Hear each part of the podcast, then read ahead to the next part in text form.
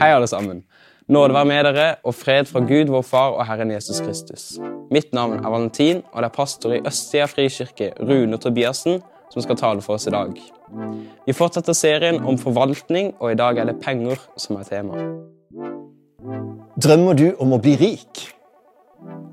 Penger og rikdom er noe av det som er målet for utrolig mange mennesker.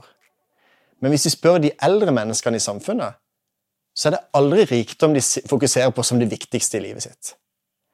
Og hvis vi går til Hollywood og stiller spørsmål om hva er det som gjør dere lykkelige, eller finner vi egentlig de lykkeligste menneskene i Hollywood? Hvorfor går vi i samme fella som alle før oss? Hvorfor hører vi ikke på de eldre menneskene? Vi tror at rikdommen er i penger, men kanskje det er noe helt annet som er den virkelige rikdommen. En person som jeg har lyst til å fortelle dere om, som har prøvd alt av rikdom. Han var verdens rikeste mann. Han har prøvd alt og har skrevet en bok om det. Han var konge, utroligvis, og så heter han Salomo og har skrevet Forkynnerens bok i Bibelen. I Forkynneren 2 så står det at jeg bygde hus og plantet vingårder. Jeg samlet meg også sølv og gull og rikdom fra andre konger og land. Jeg skaffet meg sanger og sangerinner og det som er mennenes lyst, kvinner og atter kvinner. Alt det mine øyne begjærte, lot jeg dem få. Og så ga jeg meg til å tenke over alt jeg hadde gjort med mine hender. Det jeg hadde strevd og slitt med. Se, alt var tomhet og jag etter vind. Altså, Denne mannen som var skikkelig rik, han konkluderer med at det er jag etter vind. Har du prøvd å jage etter vind? Det er helt umulig å fange vinden. Og Salmo sier det at rikdom det er som å jage etter vind. Hvordan vil du beskrive en rik person? Hvis du spør gjennomsnittsverdensborgeren, så er det sånn at du er rik. Du er faktisk blant de 3% rikeste i hele verden hvis du eier en bil. Hvis familien din eier en bil. Eller så er det noen som er så sinnssykt rike at de har to biler. Og ikke nok med det, så er de så rike at de har et hjem for bilen sin. Det kalles for garasje. Noen har til og med et hjem for søppelbøtta si. Og noen er så rike at de har skap fulle av klær. Ikke nok med det, men de kan gå inn i skapet. Walk-in closet. Og det er litt rart, for likevel så kan de stå fremfor dette, alt dette tøyet her, og så si 'Jeg har ingenting å gå med'. Så rike er de. Eller så rike er vi. Mange er rike, men, men vet ikke. For det er alltid noen som har mer enn de. Jeg tenker ikke på meg sjøl som rik, for det er, det er, så mange som er rikere enn meg. Hvor går den linja? Når er man rik? Skillelinja mellom det å være rik og helt vanlig, den beveger seg. Så Hvis jeg tjener 300 000, så må jeg kanskje tjene 400 000 for å kunne kalles rik. Og hvis jeg tjener 500 000, så må jeg kanskje tjene en million. Det flytter seg bare. Vi er ikke rike, vi drømmer om å bli rike. Vi ønsker oss mer og mer og mer. Men først og fremst du er heldig som er rik. For du er blant de rikeste i verden. Og du trenger ikke føle deg skyldig for det at du er rik, men kjenne på en takknemlighet for at du er det. Men så er det også en utfordring med å være rik.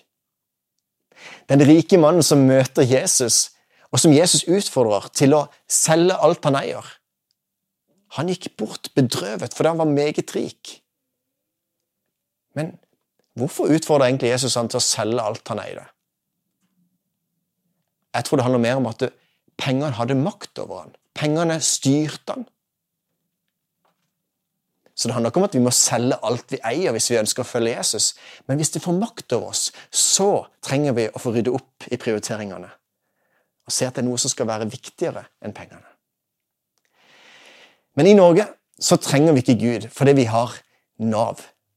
Vi har forsikringer, og vi har alle tingene våre som gjør oss trygge. Men Bibelen snakker om helt annen rikdom. Og nå skal jeg fortelle deg hvordan du kan bli virkelig rik.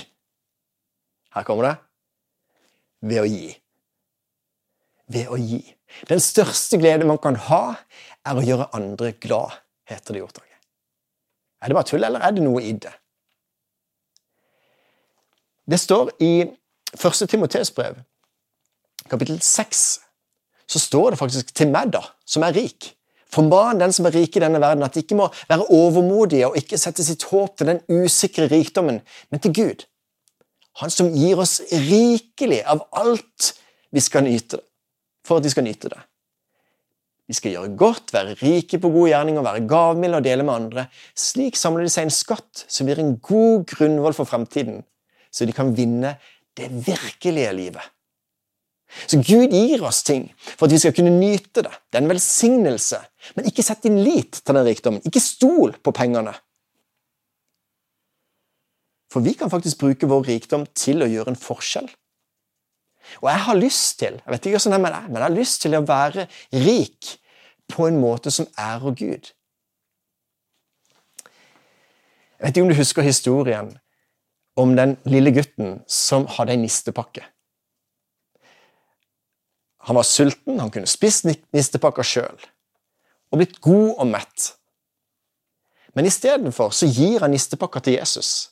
Og Det resulterer i at kanskje 10 000 mennesker, 5000 mennesker foruten kvinner og barn, de ble metta i tillegg til denne gutten. Og Da tenker jeg at hvis vi gir det til Gud, så får vi pose og sekk. Alle har alltid litt for lite penger til å kunne gi. Det er det samme om du tjener 10 kroner, om du har en ukelønn på 50 kroner, eller om du tjener 10 000, eller Det er alltid litt for lite til å kunne bruke på deg sjøl. Så du skulle ønske du hadde hatt litt mer penger, hadde jeg bare hatt litt mer tid, hadde jeg bare hatt litt mer ressurser, vært litt flinkere, så skulle Gud fått det. Men du, du får ikke Du får ikke på en måte nok noen gang. Gud er ikke interessert i at hvis du får mer penger, så Gud sier ikke 'gi når', men Gud sier 'gi nå'. Han er interessert i det du har å komme med nå. Ja, men det er jo mine penger, det er mine ressurser. Jeg, ifølge norsk lov så har jeg rett til å bruke dem på hva jeg vil. Ja, det er helt greit. Men hva har du som du ikke har fått?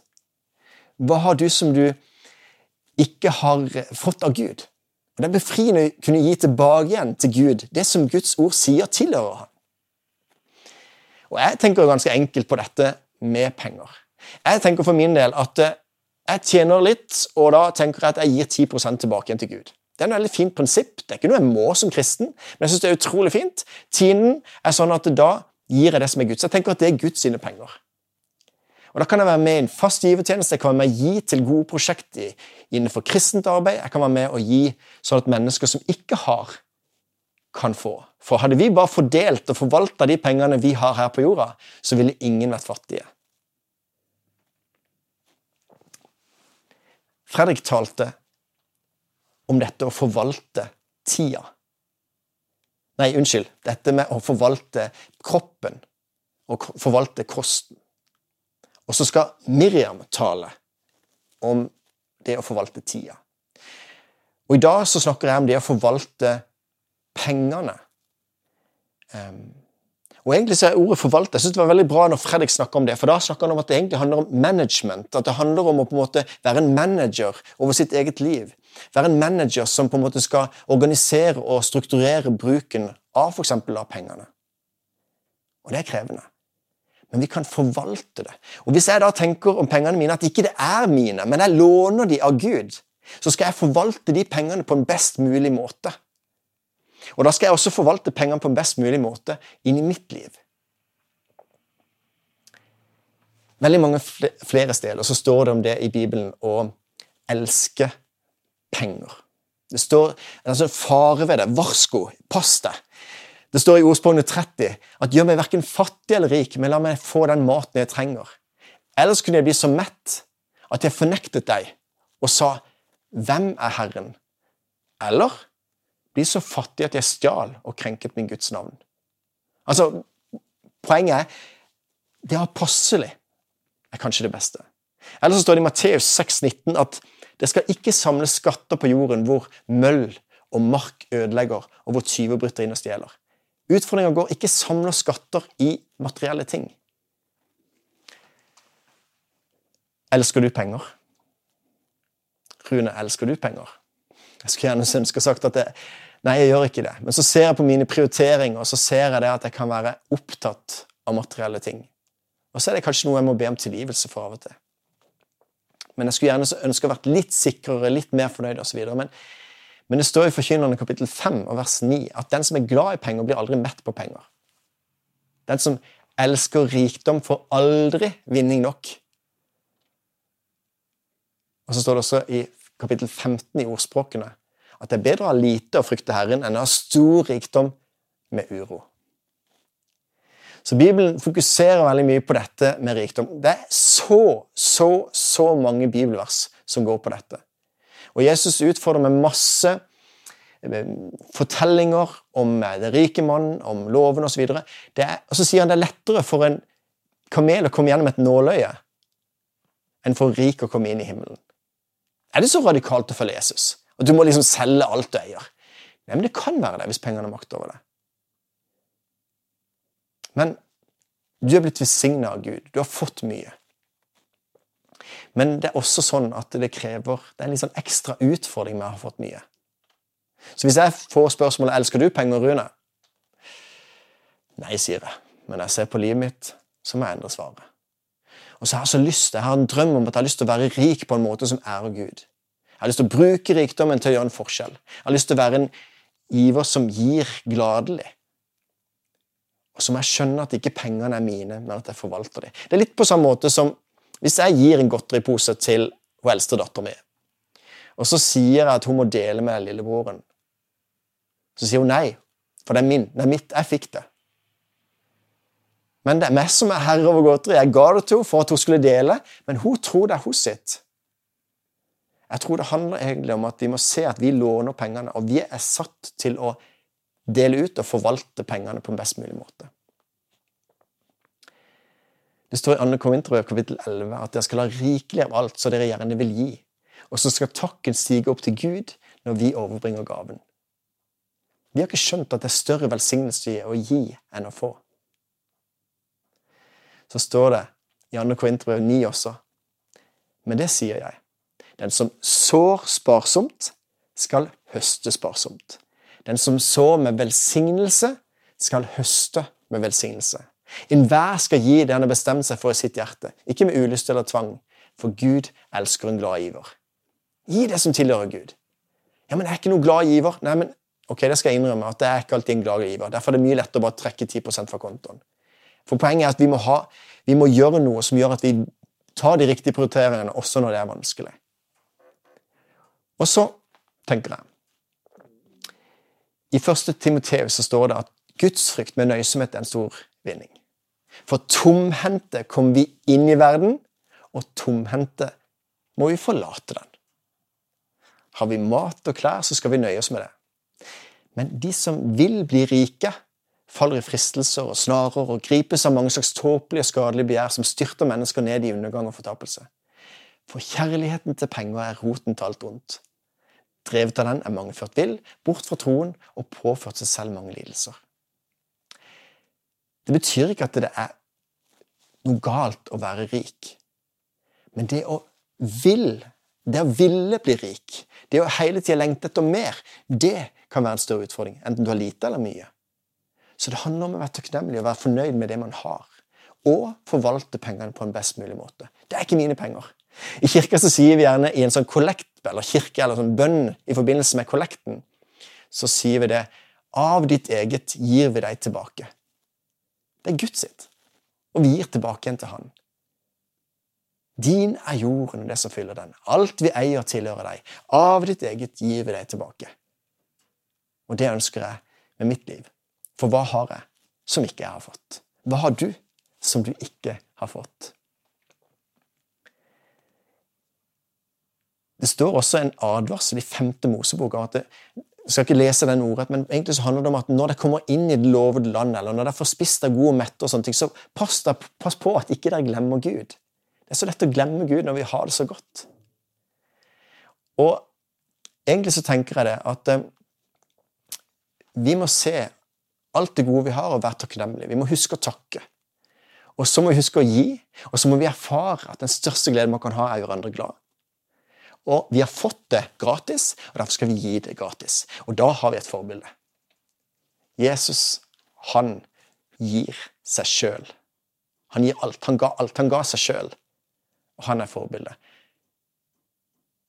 Og da er det vanskelig å på en måte gjøre det, men jeg tenker egentlig at det handler om å, å se hva livet virkelig handler om. La pengene, rikdommen, være en ressurs inn i Guds rike. Og gi gjerne 10 og så kan du bruke det andre sjøl. Men utfordre i hvert fall til å si at Gud kan være herre over lommeboka di. Og Det betyr ikke at du må gi vekk alle pengene, men det betyr at han er herre over lommeboka di. Og så har jeg fått lov til å erfare i ordspråkene 11.24-25 så står det at den ene strør ut og får enda mer. Den andre holder tilbake mer enn rett der, og det blir likevel bare fattigdom. Den som sprer velsignelse, skal trives. Og den som lesker andre, han blir sjøl forfriska. Så jeg tenker egentlig at vi eh, kan få lov til å erfare at vi sjøl blir velsigna. Vi får en rikdom når vi gir. Og Bibelen utfordrer oss på å gi, og Gud sier faktisk at prøv oss på dette. Prøv meg på dette. Gi til Gud, og så skal du bli velsigna i rikt mål. Jeg tenker at vi må øve oss litt på dette. Øke troa. Ta et skritt sammen, eh, med Gud. Steg for steg. Steg for steg. Og så kan vi få lov til å erfare nye ting. Lykke til med din vandring. Jeg har lyst til å utfordre deg også til å tenke det at du kan være eh, Kanskje du nå kan begynne. Hvis du tjener lite, så er det lettere å gi tiende. Jeg har en kamerat som sier det at han er glad at han er lærer, fordi at eh, da er det ikke så stor tiende som hvis han hadde tjent inn noe mer i et annet yrke. Og så er det en historie fra Bangladesh som sier det at det var en som, som eh, som var så fattig at han hadde veldig lite inntekt. Og Da ville han ikke gi tiende, for det ville jo ikke bli noe av det likevel. Og så kom det ved en tilfeldighet at han tjente, eller han vant masse penger. Og da kunne han ikke gi penger, for da ble det altfor mye. Så det handler egentlig om å begynne med der vi er nå, og kunne være med og forvalte pengene sammen med Gud, glede oss over det, og være med og gi videre til andre. Lykke til med ditt management over dine penger. Ta imot Herrens velsignelse. Herren velsigne deg og bevare deg. Herren har sitt ansikt lyse over deg og være deg nådig. Herren løfter sitt ansikt mot deg og gir deg fred.